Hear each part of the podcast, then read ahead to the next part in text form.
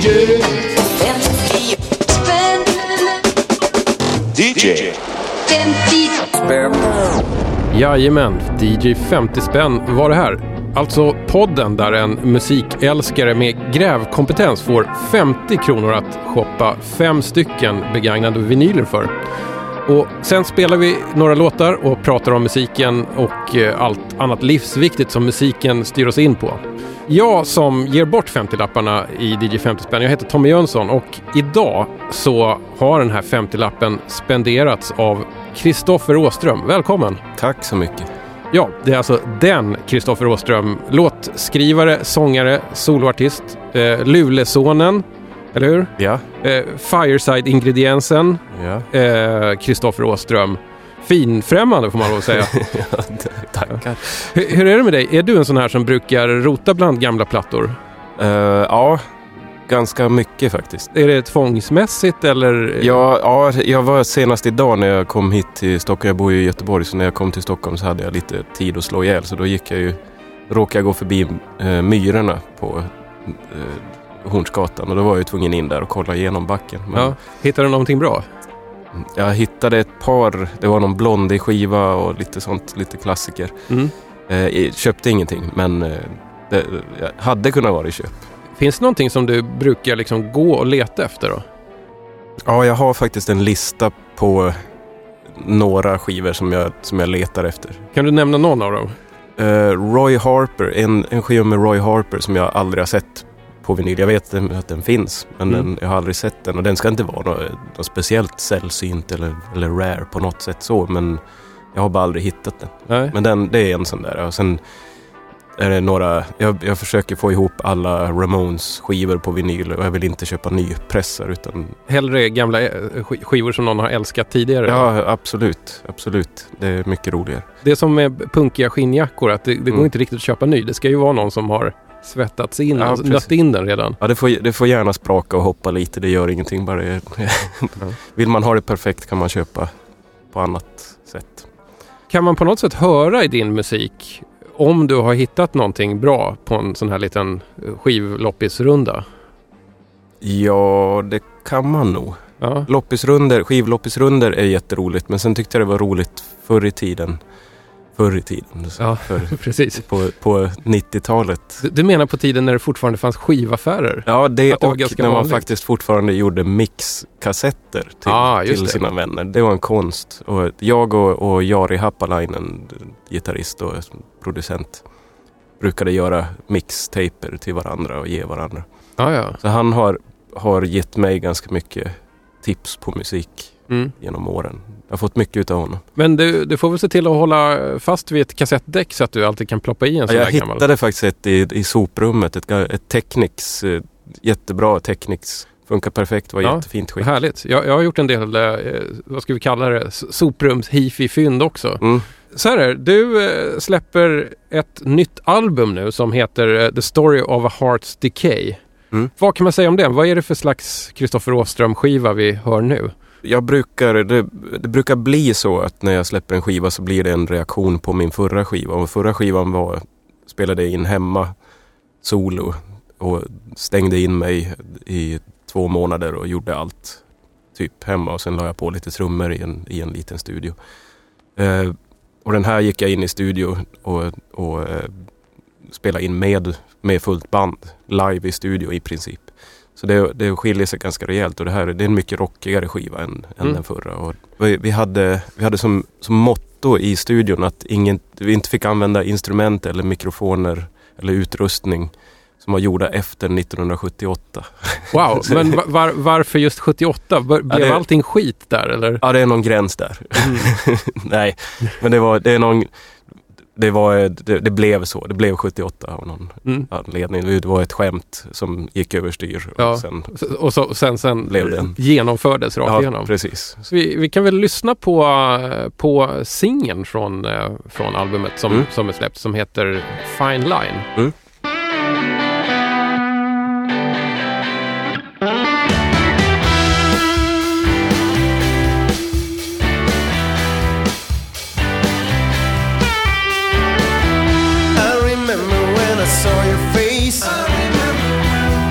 Remember saw your face. I remember. I remember running off again. I remember talking to my friends about the possibility for future plans. I remember when I got your name.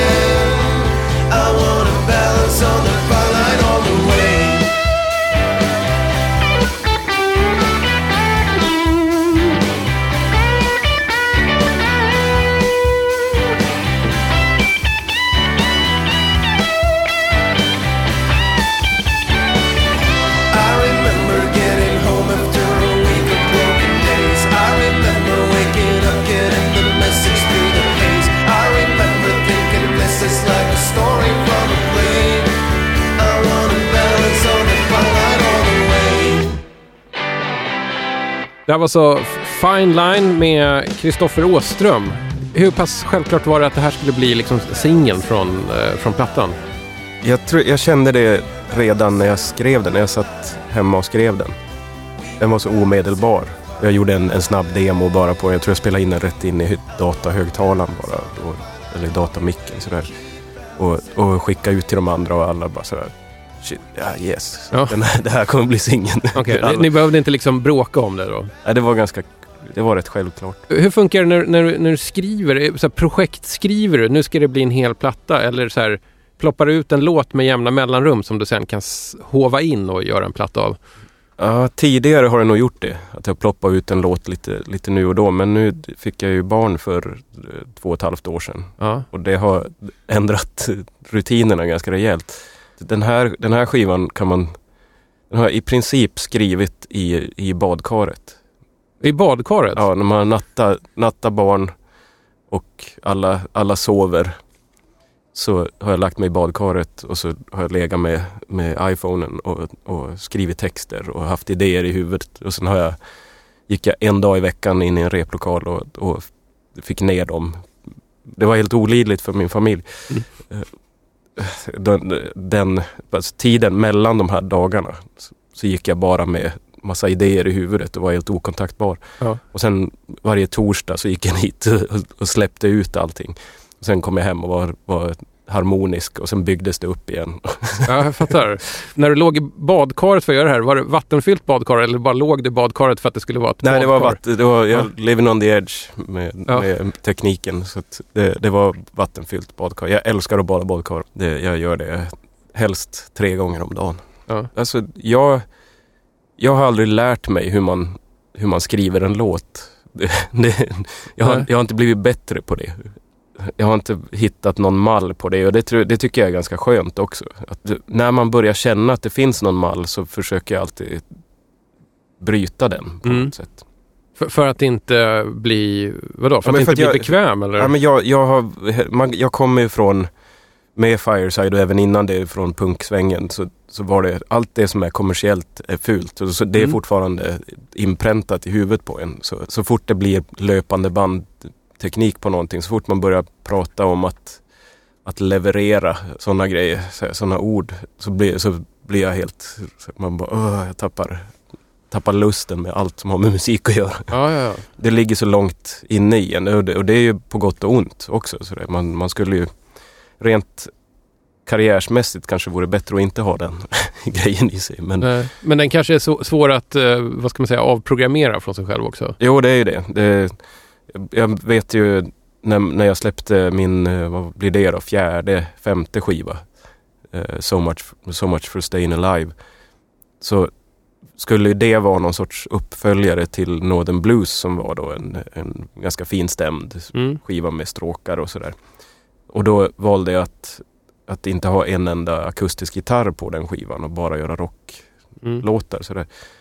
Så när den kom så var det ju ingen som gillade den för det var ju något helt annat än vad folk för- förväntade sig. Och det, sen när man åkte ut, när man släppte skivan efter det och åkte ut, då tyckte folk om den skivan. Mm.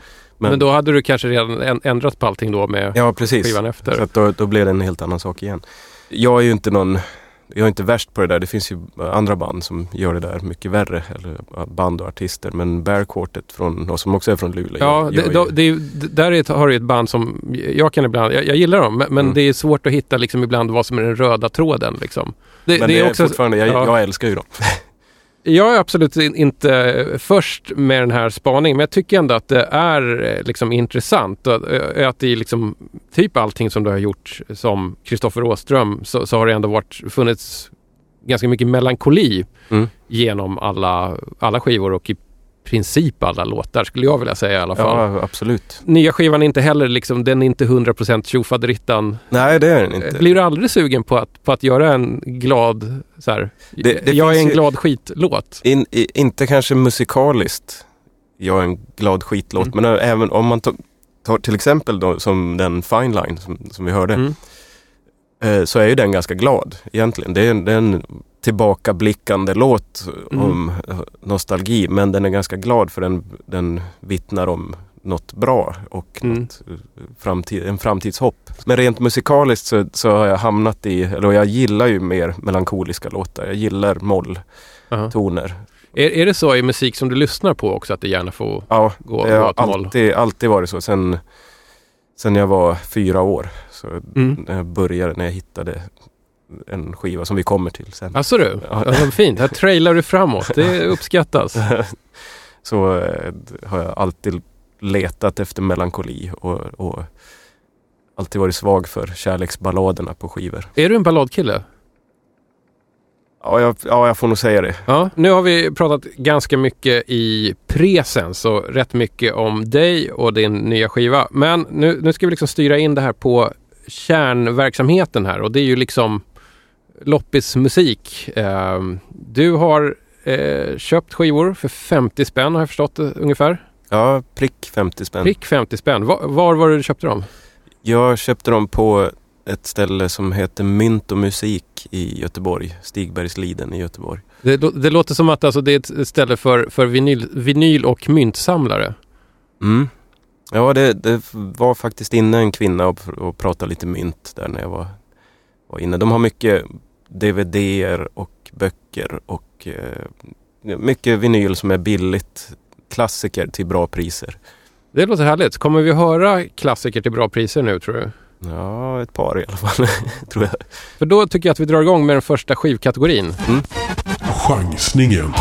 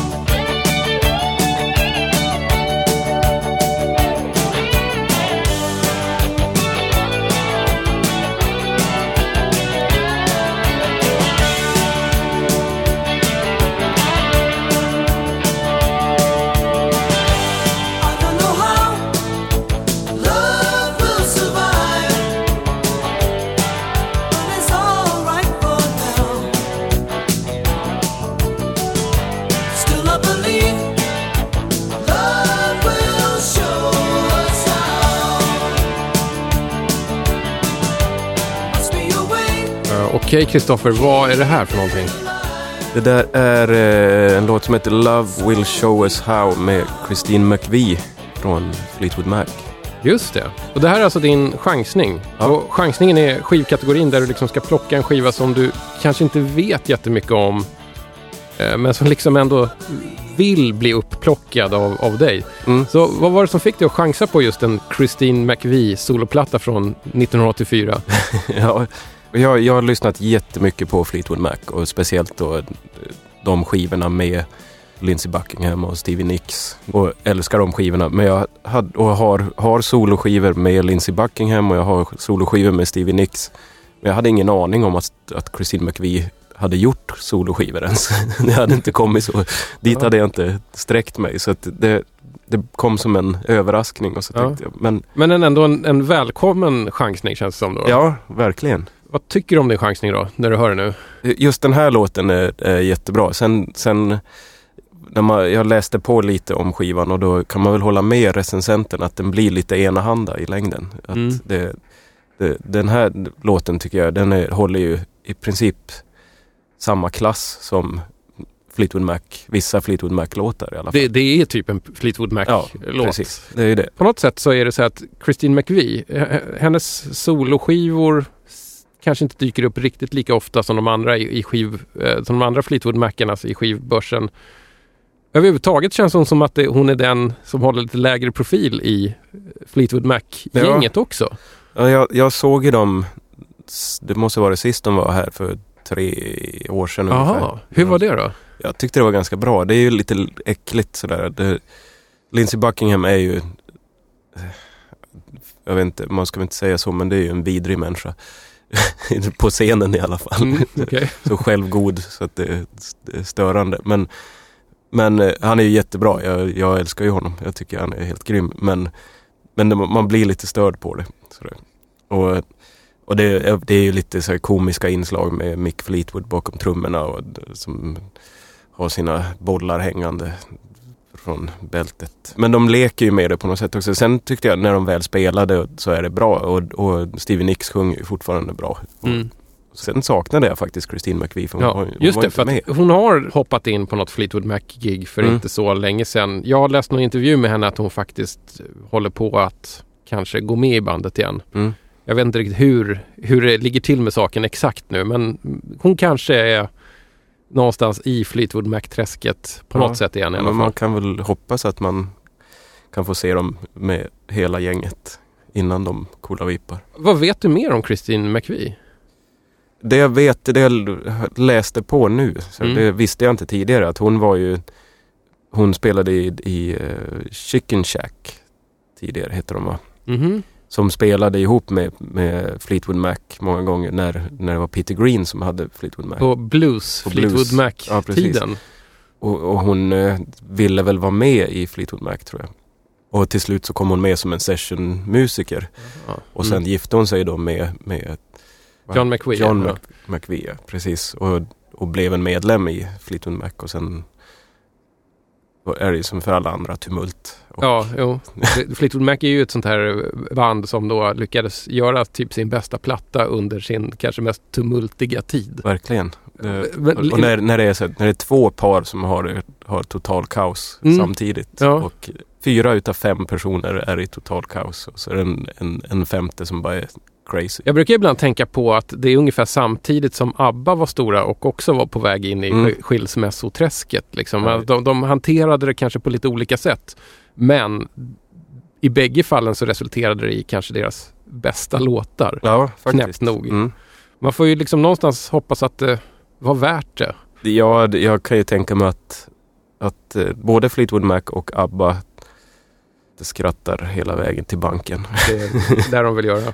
Ja. Jag kollade upp Christine McVie nu bara för att inte svamla helt och hållet på måfå så mm, noterade jag att hon har ju skrivit flera av de låtarna som i alla fall jag gillar allra mest med Mm. den här klassiska erans Fleetwood Mac. Don't Stop, Little Lies, Everywhere, Over My Head. Alltså Mm. där vill man lyfta på en liten hatt där och Ja, säga verkligen. tack, tack så mycket Christine. Det, Ja, jag hade liksom inte riktigt koll på att det var hon som låg bakom dem. Nej, det, det hade jag koll på. Du är Men- kanske djupare ner i Fleetwood Mac-träsket än mig också. Ja, det kanske är. Men, men däremot så hade jag ingen koll på att hon hade släppt soloskivor demoskivor. Men du, om du skulle någon gång spela in en Fleetwood Mac-låt, om du skulle göra en cover, Jag har faktiskt gjort, jag har inte spelat in men jag, du har gjort det? jag och Britta Persson gjorde för många år sedan en låt från, den är på Tusk-skivan tror jag, Beautiful Child. Mhm. spelade vi live.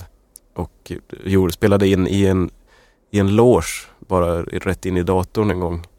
På den, den spelningen. Vi spelade i Vitabergsparken. Så att vi, jag har Men det har aldrig getts ut det här? Nej, det har aldrig getts ut. Det kommer det nog inte att göra heller, kanske på något, på Mm. något sätt. Men Ja, men kanske om, om du når fram till det här läget som eh, Ulf Lundell i, är i nu, att han ska sammanfatta 40 år mm. eh, som artist och släpper en box med 68 CD-skivor. typ rubbet han någonsin har spelat in. Då kan du inkludera den. Ja, precis. Jag, jag, har, jag har faktiskt jag har sjukt mycket demoinspelningar och liveinspelningar hemma. Mm. Som bara ligger i kartonger. Ha, ha ordning på det. Du vet aldrig när det är dags för, för den stora sammanfattande boxen. Ja, det, det, är ju, det är ju det. Det där med ordningen. Ja. Jag tycker så här. Vi tackar Kristin McVie så Mm. mycket för eh, chansningen. Eh, vi har kommit fram till kategori nummer två för idag. Det är dags för den fruktade Random Access Vinyl. You've seen the way I entertain the crowd. I used to pack 'em in from miles around. And I'd play the happy songs that made 'em smile. Why'd you want to go and change my style? Nobody likes sad songs, ones about goodbyes, songs about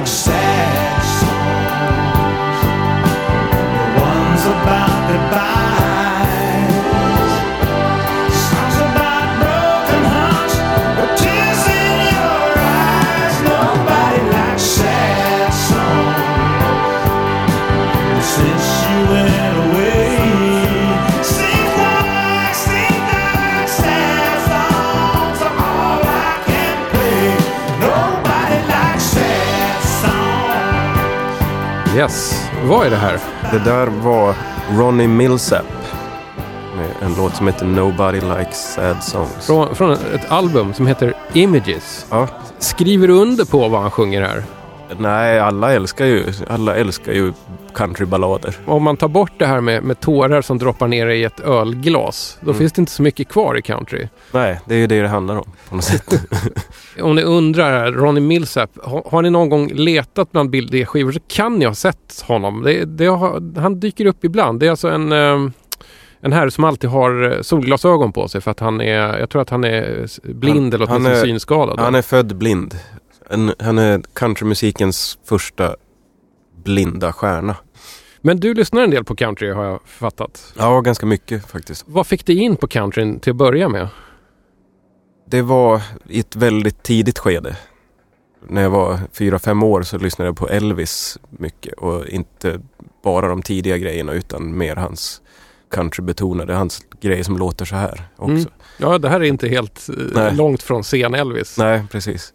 Jag har alltid haft det med mig på något sätt. Även om man har gjort avstamp i, i eller avstickare i massa andra genrer hela tiden. Så nu, nu är man ju så här, man, när man var yngre så var det ju viktigt vad man tillhörde. Att man skulle vara, man skulle vara syntare eller Mm. man skulle vara punkare eller hiphoppare. Eller, jag var alla de där grejerna i, ett, i en liten stund.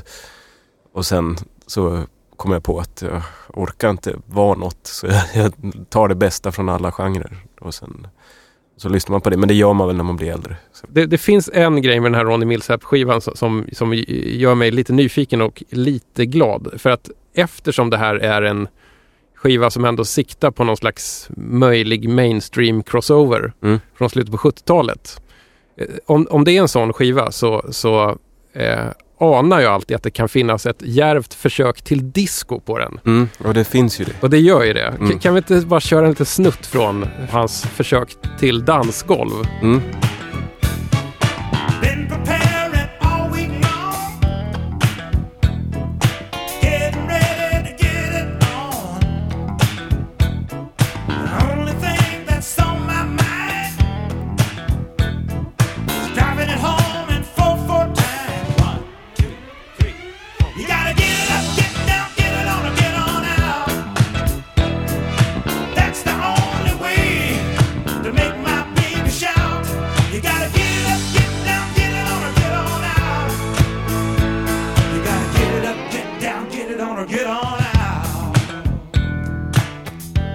Ja, Kristoffer, vad, vad, vad, hur, ser du på Ronnie Millsaps försök till någon slags, jag vet inte vad man ska kalla det, någon slags disco-funk här?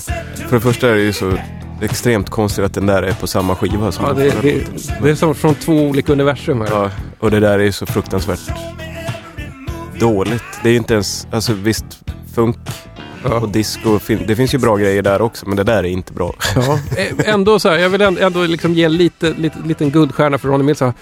Det, det är ett försök. Det, det är ett Ja. djärvt försök. Det är ett djärvt försök och, och som vi pratade om här under, under låten att han har ju ändå kapaciteten att ändra sin röst till ändamålet. Nu, Ja, nu sjöng han verkligen. inte som, som den där country Nej, det här lät som en helt annan gubbe faktiskt. Ja, Det, ja. det här var i alla fall ditt eh, totala slumpval. mm, men Eh, jag, jag är, trots allt är jag ganska nöjd med det Mm. slumpvalet. Mm. Jag, jag, kan, jag kan faktiskt tänka mig att köpa en till 10 kronors skiva med Ronnie Mills. Mm. Ja, men det tycker jag du ska göra. Vem, Mm. ve- vem vet vad det kan finnas på den? Ja, precis. Nu har det blivit dags för Skivbörsklassikern. Det här är en man i sina bästa år som ser väldigt slisk ut med öppen skjorta med hårigt bröst och ett silversmycke. Vi får väl se hur, hur sliskigt det låter. Once in a while, out of the blue, why might appear somewhat rude. But don't be alarmed or get upset. Just say to yourself, this I'll forget. When I come home, after being away, it might do me good just to hear you say, darling,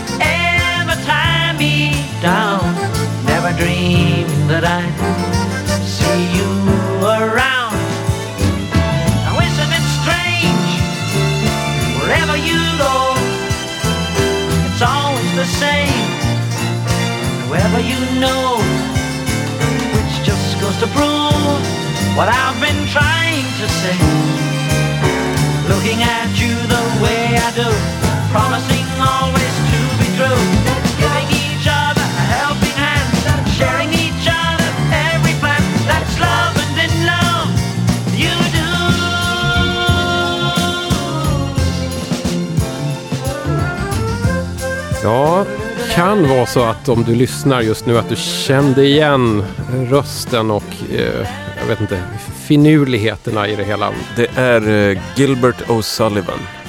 Från det väldigt skivbörsklassiska, loppisklassiska albumet Back to Front. Mm. Vad heter den här låten? Eh, That's Love. Det finns ju en annan låt som heter Alone Again Naturally. Precis, Som- den, den har spelats tidigare så jag, Mm. jag förbjöd den så att du Ja. fick välja en annan. Den är ju en sån låt som, man, som alla i princip har hört. Mm. Men man vet inte att det är Gilbert O'Sullivan. Och sen så när man lyssnar på texten så undrar man ju också hur i, hur i helvete kunde det här bli på toppen av alla listor när det handlar om att Gilbert O'Sullivan funderar på att kasta sig ner för ett berg eller vad det är och ta Ja. livet av sig. Precis. Skivbörsklassikern, en- alltså en sån här skiva som man kan ja, räkna med att den alltid står tryggt parkerad bland eh, 10 kronors vinylerna Mm. och som sällan får följa någon hem.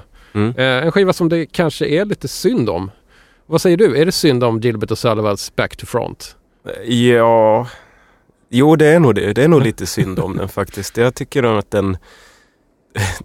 För jag har ju ratat den i, i 20 års tid. Mm. Jag har sett den i varenda skivback. Men aldrig velat ta hem den för att den... Man har bara känt att det här är ingenting jag kommer att... Det här vill jag inte ha. jag, Men nu jag, har du lyssnat lite på den. Mm, Vad känner du då? jag tycker inte det är så dåligt faktiskt. Nej. Jag, jag tycker att visst, den kanske hör hemma i 10 kronors skivbacken men jag tycker absolut att man kan köpa den för, för de där 10 kronorna och, och lyssna på den någon gång.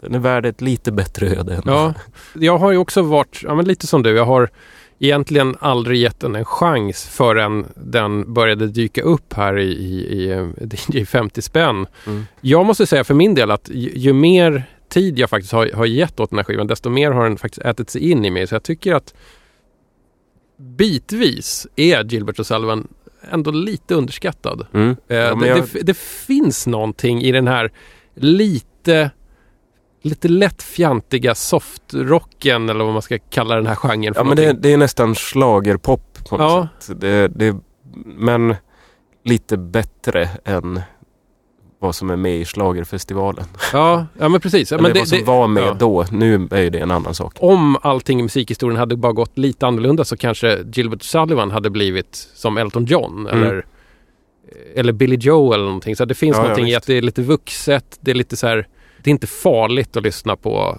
på Gilbert O'Sullivan. Men det är Nej. ändå så här, det är ändå bra någonstans i, i någon slags hantverksskicklighet och hur han får ihop text och musik som Han är väl lite, det är väl lite så här som John Denver kanske. Kanske en bra parallell där, för John Denver, jag vet inte hur det är med dig, men jag plockar väldigt sällan upp John Denver. Jag, jag har faktiskt gjort det några gånger och det är ganska bra. Det är väldigt enahanda. Mm. Allt låter ju väldigt likt men bitvis väldigt Han ju, har ju också gjort Annies sång som, som är kanske en av världens bästa låtar. De få gångerna jag har sjungit karaoke så har jag sjungit den låten. Ah, Och bland annat i Gävle till stort jubel. I Gävle, på bilagan kanske? Ja, precis. Jag, har hört mycket om det stället. Ja, Är, är, är det så fantastiskt karaoke-ställe som alla säger? Med, med några öl under västen så, så var det fantastiskt. Jag har fått det berättat för mig att här, om, du, om, om du åker till Gävle och får för dig att sjunga karaoke så ska du gå till bilagan. Mm. Så allt frågat, men var, varför just dit? Du kommer fatta när du är där. Det, det är fint på något sätt. Man, man är lite rädd när man är där också.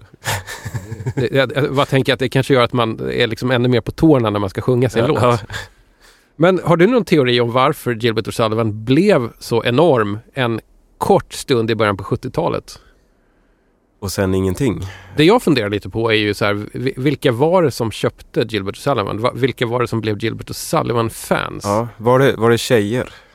Jag tror nästan det. Det, det tilltal, det är ju ändå sådär, Mm. om man tittar på omslaget så är det ju inte Nej, 70-talskillarna som köper det här. nej, det kan vara sant. Det är så här, lite, ja, lite... Lite sängkammarblick. Men hör du, det sitter faktiskt en namnlapp på skiva, Ja, skivomslaget. här, Vad står det? det? är ju vackert. Eva Ahlgren, Ja. bodde på Linnégatan 20 i Göteborg. Det eh, bekräftar vår tes. Mm.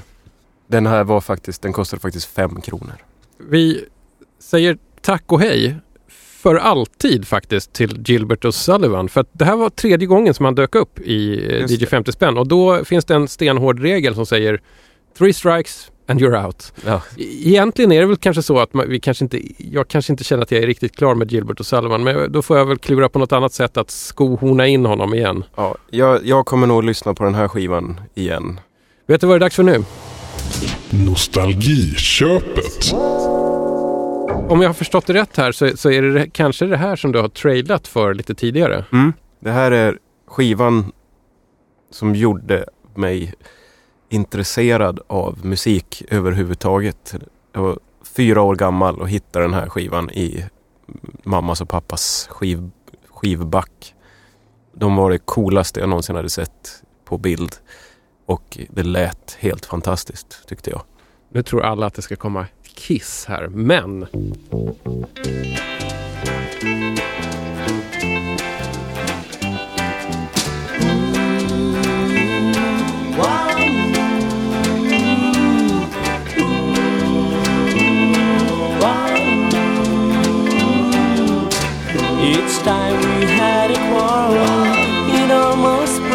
my heart.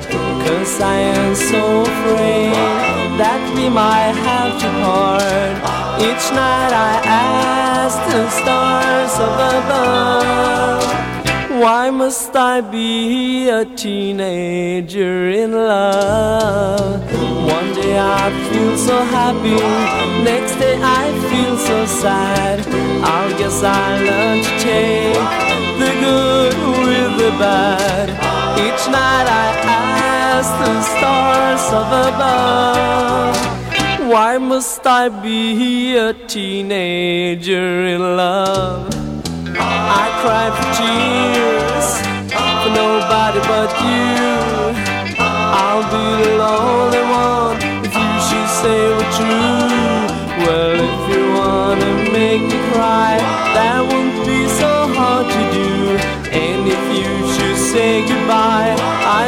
go on loving you.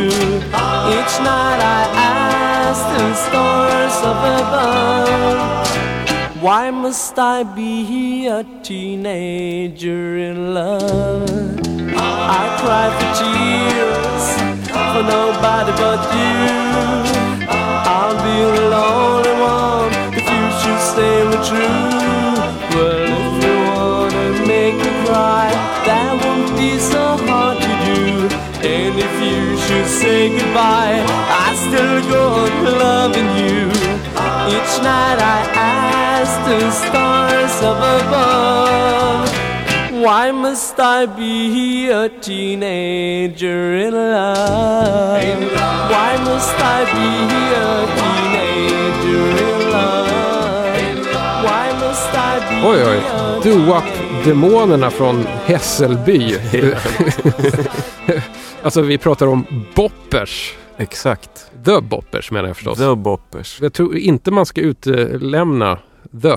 Nej, man gör, ju, man gör ju lätt det. Det här är alltså ditt nostalgiköp. Ja. Eh, Boppers number one, första albumet med dem. Mm. Vad är din, vad är din story med The Boppers egentligen? Alltså jag, jag lyssnade i princip bara på den här skivan i, i flera års tid. Sen jag hittade den då. I, Mm. i, det var den här och eh, Djungelboken och Jan Lindblad han, som vissla. Jag hade aldrig sett några tuffare människor. Nej, nej men vi ska På säga på, på, på baksidan av skivan då står hela The Boppers. De är alltså sex stycken eh, uppradade och gör någon sorts jazz hands.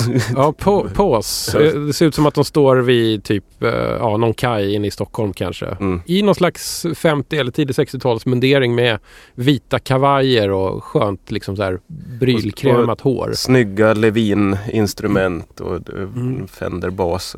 Men jag håller med. Jag tycker ju att det här är en snygg stil. Mm. Band som, som klär sig sådär på scen Mm. får, tycker jag, alltid om på något sätt. Det var ju min dröm. Jag har faktiskt för, gjort ett, ett, ett ärligt försök en gång att ha någon sorts rockabilly-stil. Jag klarade inte av det. Mitt hår går, det, det funkar inte med det. Och sen, sen är jag blond och det ser jättetöntigt ut när man är blond. Du måste färga. Ja, precis. Och det gick inte. Det var, det var alldeles för jobbigt. Jag orkade inte. Och sen kom jag också på att i den här eh, subkulturen då, rockabillykulturen, så var det ganska hårda regler om hur man ska se ut. Mm. Ja, man kanske inte kan eh, freestyla för mycket. Nej, det, det verkar inte så. utan Det var lite så regler om hur mycket man ska vika upp byxor och, och hur skjortan ska vara instoppad. Och då orkade jag inte. Då kände jag bara, nej, fan. Men, men det, jag tycker men det- att det är snyggt. Ja, jo, att det är det. Men är det, är det inte så då att, att det har uppfunnits en genre för att kunna bryta de här reglerna lite grann i alla fall? Jag tänker på psychobilly. Ja, så det är så skulle det. man ju kunna spacea ur lite grann åt Mm. något håll. Ja, Men du, tillbaks här till The Boppers Mm. debutplatta. Eh, platta. Mm. Va, vad känner du när du hör den idag? Alltså jag, jag känner fortfarande, jag har faktiskt gjort en cover på den här låten. På? Teenager in Love som är på en singel B-sida. Jag tycker fortfarande att det är väldigt bra. Nu hörde jag ju när vi lyssnar på den nu att, eh, att uttalet, nu säger inte jag att jag är någon, någon att mitt uttal på engelska är, är perfekt. Men här var det ju, det var inte bäst faktiskt. Nej. Det har jag aldrig tänkt på tidigare men, men nu hörde jag det. De är rätt unga här, Mm. eh, Boppers Ja, de är, eh, ju, killarna. de är ju eh, runt 20 år allihop. Mm. P- Faktiskt Peter Jezewski då som sjunger, han var väl 17 här. Jag var uppe i Luleå, eftersom jag kommer från Luleå så var jag uppe där för några år sedan och då var han där och spelade med eh, sitt band Peter and the Chiefs. Mm. Men jag tordes inte gå dit för jag visste att jag skulle bli full och vilja prata med honom. Men- Men vadå? Det, det är väl ingen dålig sak? Jo, ja, jag, jag, jag kände att jag... Han är sådär, han är en utav, en utav idolerna för mig. En, Men det, och det sitter i liksom? ja, det sitter i. Ja. Jag har träffat några i The Boppers på en spelning i Älvsjö eller vart det var. Och jag har också haft en tanke, jag och Johan Lindström som eh, producerade en av mina skivor.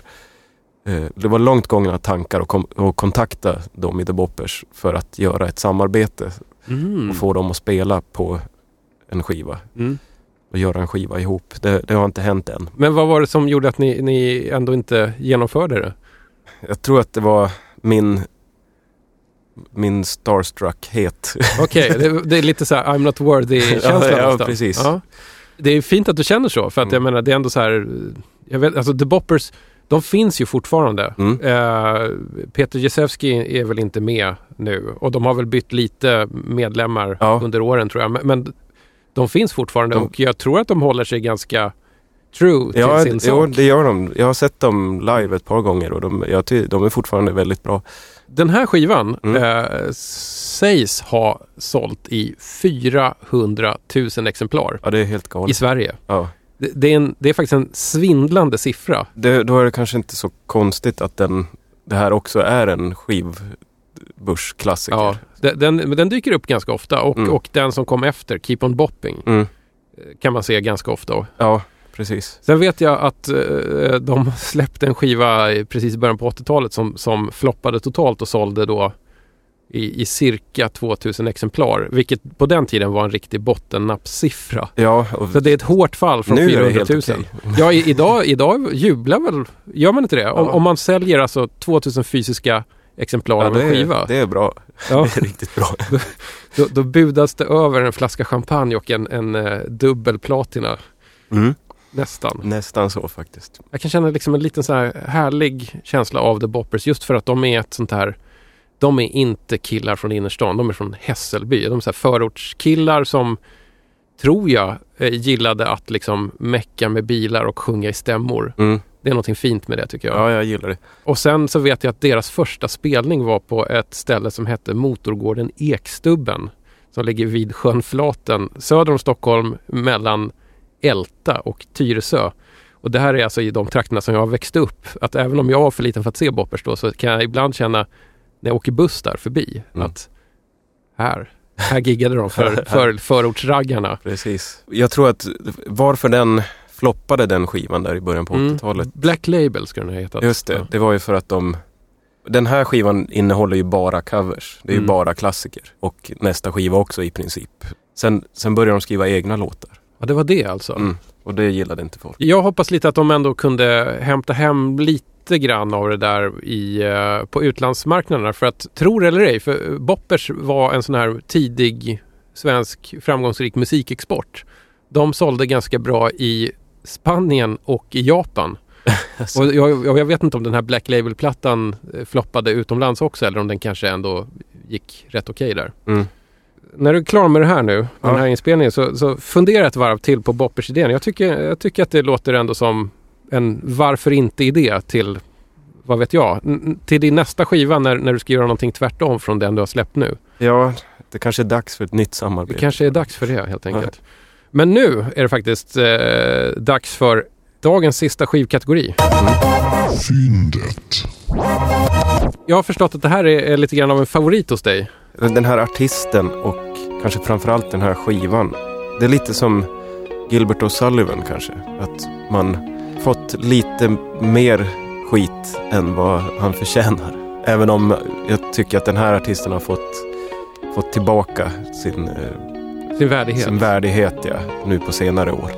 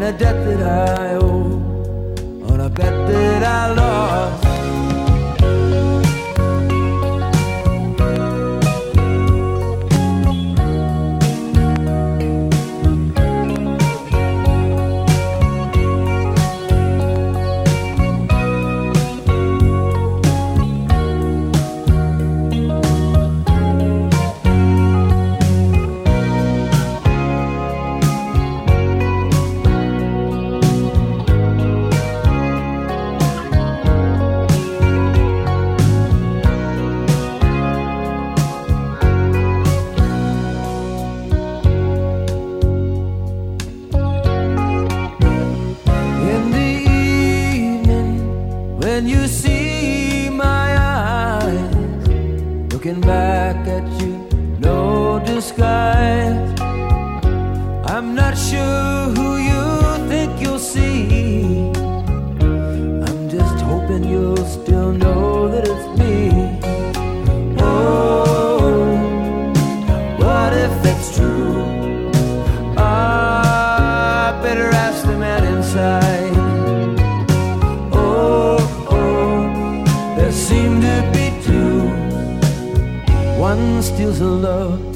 The other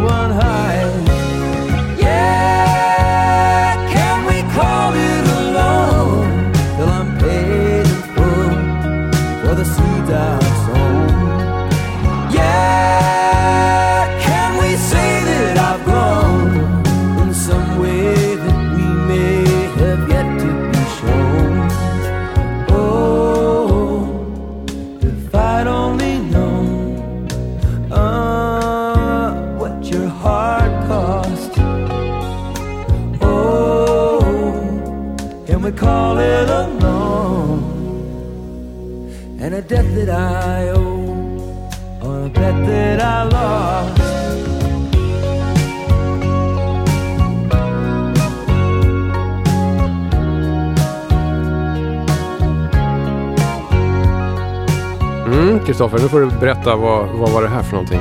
Det där var Jackson Brown med Call It Alone. Det här är alltså ditt fynd. Eh, ett, ett album som heter Hold Out. Mm. Som är från när då? 79, 80? Eller vad, vad är det? Eh, det är från 80. Varför är det här ett fynd för dig? För att det, det är lite som, det, det finns två skivor som, som brukar finnas eh, i de här 10 kronors backarna och som jag tycker är fin. Det, det ena är eh, Bob Dylans Shut of Love som, som jag tycker är eh, mycket bättre än 10 kronor. Ja. Den, eh, den har svinbra låtar på sig. Och det här är den andra då, Hold Out med, med Jackson Brown som alltid en ratad Jackson Brown. Jackson Brown i sig har ju varit ganska ratad och lite tönt förklarad. Och, Mm. Nu på senare år så har han väl ändå fått lite upprättelse. Och, och, Jo, men det skulle jag nog säga. Mm. Jag får hela tiden liksom så lite påminnelser från människor runt, runt omkring mig att du borde lyssna på Jackson Brown. Mm. Eh, De är liksom väldigt måna om att jag ska komma in i Jackson Browns värld. Och sen, Ja. Jag har aldrig riktigt, riktigt hamnat där. nej, Då är det intressant att du säger att, att det finns en liksom ratad Jackson Brown-skiva också. ja, precis. Det finns ju flera men det här var den första då som, som blev riktigt ratad. För han var ju, han blev ju ganska stor på, på 70-talet. Och när han släppte den här så blev den här ratad av alla kritiker i princip. Och ingen tyckte om den. Vad var felet på den här skivan då? Jag vet inte, jag tror att det var, det var tidens tempo på något sätt. Det var, Mm. det var, det var dags för Jackson Brown. För det är inte så stor skillnad på den här egentligen och någon annan Jackson Brown-skiva. Han har hållit sig ganska lik hela, hela sin karriär. Det är, den här har inte fått det riktiga 80-talssoundet. Utan det, det kommer lite senare när det blir sådana här stora 80-talstrummor och sådär. Det, det var ju han med i också. Det, på samma sätt som Dylan var det och, och många andra artister. Alla gick in i det där. Ja, ja. Men här har inte det kommit. Så jag tror att det bara var det var dags att såga Jackson Brown på något Okej. sätt. Sen är ju det här äh, den skivan som, det är hans enda Billboard-etta. Mm. Och eh, samtida med den här så släppte han en annan låt på ett soundtrack eh, som heter Somebody's Baby. Som är hans eh, mest spelade låt någonsin. Det är hans största hit någonsin. Den är ju med på soundtracket till eh, världens bästa high school-rulle. Mm. Fast Times at Ridgemont High. Ja, Som är en fantastisk film. Ja, fantastisk låt Ja. också. Det är en helt underbar låt. Men det är ändå en, en sorts storhetstid för, för honom. Mm. Men kritikermässigt helt katastrof. Ja. Men vad är det du gillar med Hold Out-plattan? Dels tycker jag den här låten Call It Alone är en av hans bästa låtar någonsin. Men sen, sen finns det andra låtar på den här som är svinbra. Både eh, Hold Out, Boulevard eh, och sista då Hold On Hold Out är, är svinbra låtar som, är, som står sig precis lika bra som hans tidiga skivor tycker jag. Jag bara gillar, jag gillar känslan i skivan. Sen gillar jag att det, det är få låtar på den. Det, det är sju låtar på den här skivan. Man behöver inte göra tio låtar. Det, det räcker med sju om de är bra. Ja. Och de här är bra. Du sa någonting om, om eh, töntstämpel på Jackson Brown. Mm. Vilka säger det och, och varför har han fått en sån stämpel? Han har ju alltid varit lite snäll pop sådär. Mm. I folks ögon. Jag vet att, att när jag och Jari Happalainen eh, gav varandra mixtaper så spe, spelade jag in en Jackson Brown-låt till Jari och Jari hade aldrig lyssnat på Jackson Brown och, och hade ratat honom Mhm. av den här anledningen att det var en tönt. Ja. Men då fick jag honom att börja lyssna på Jackson Brown. Sen tror jag att han faktiskt tog upp det. så det är lite... Han, han var ju precis lika mycket, lika knarkig och, och bad boy egentligen som alla andra i Los Angeles på den tiden, Mm. på 70-talet. Men han, har, han ser ganska snäll ut. Ja. Han, ser inte farlig ut. Nej men sätt. eller så här, han, han är både jättesnygg Ja. men ser också mysig ut. Ja, Det kanske kan vara en, alltså som, som någon slags artist i rock och popvärlden så kanske det inte alltid är till ens fördel. nej. Att det blir lite otydligt vem man är. Ja, men sen är ju inte låtarna farliga på något sätt. Det, Nej, det är ju, nej men det är det inte. Det är väldigt snälla låtar. Men, men han har ju, jag tycker, alltså, sen har ju han ett, ett melodisinne. Har alltid haft och har fortfarande. Jag tycker hans senaste skiva som kom förra året är, är fantastiskt bra. På, lik, likadant som, som Boppers, som Peter Jezewski bara var 17 år när de spelade in den där skivan så skrev ju Jackson Brown sin kanske största hit när han var 17. These Days som han skrev och gav till eh, Nico. Ja, ja, ja. Det är ju hans låt. Som han sen spelade in då. Så är det väl med, med, med flera Jackson Brown-låtor? Att, Mm. Är det inte så att han har gett bort dem Han till har- han- typ så Eagles, Eagles, och eh, sen så kanske han själv senare har spelat in Ja, dem? precis. Han, andra får göra dem till Mm. hittar först och sen, Ja. sen tar han dem själv. Som en cover på sig själv? Ja. Hörru Kristoffer, tiden går fort när man har trevligt och eh, spelar skivor tillsammans. Mm. Eh, din stund som DJ 50 spänn är snart eh, slut. Jag måste bara fråga så här, vad tyckte du om att gå och köpa begagnad vinyl efter ganska strikta regler? Jag tyckte det var skitkul. Jag har haft en, det fanns en annan en, en idé, en, en vän till mig som hade en bar i, i eh, Göteborg.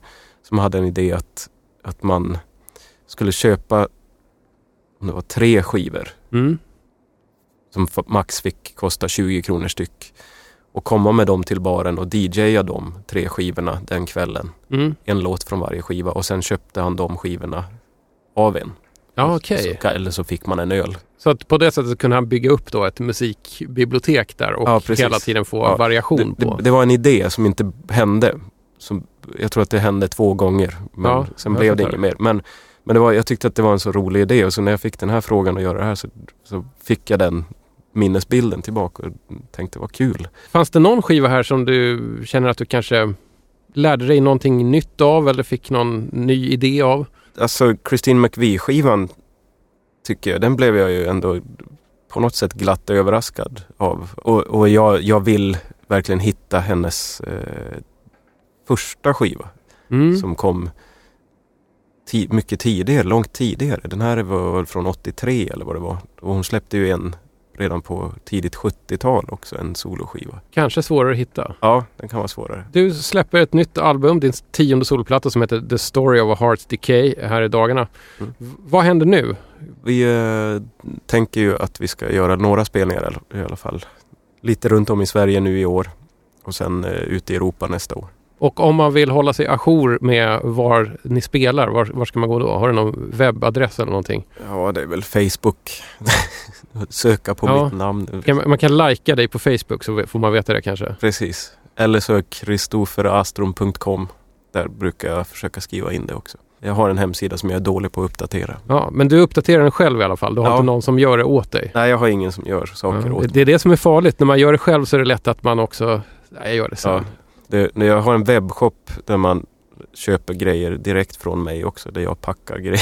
Ja, men det, det är väl ändå fint. Ja. Då vet man ju att det kommer från den verkliga så att det inte är någon så här pirat-merch. Nej, precis. De ser ut därefter. Men Vi har kommit fram till den sista anhalten, själva ändhållplatsen här i DJ 50 spänn. Du har ju köpt fem skivor och nu är det min tur att spela en skiva för dig. Varje gäst får ett outro som alltid är av en och samma artist, nämligen loppisvinylernas gud. Vet du vem det är? eh, ja, det kan väl vara James Last. Självklart är det James Last. Tack för fem intressanta sk- skivfynd och en härlig pratstund. Ja, tack själv. Kul att få vara med. Li- lite rock. Jag vet inte om man gör det bättre eller sämre än Boppers, men Låter fantastiskt.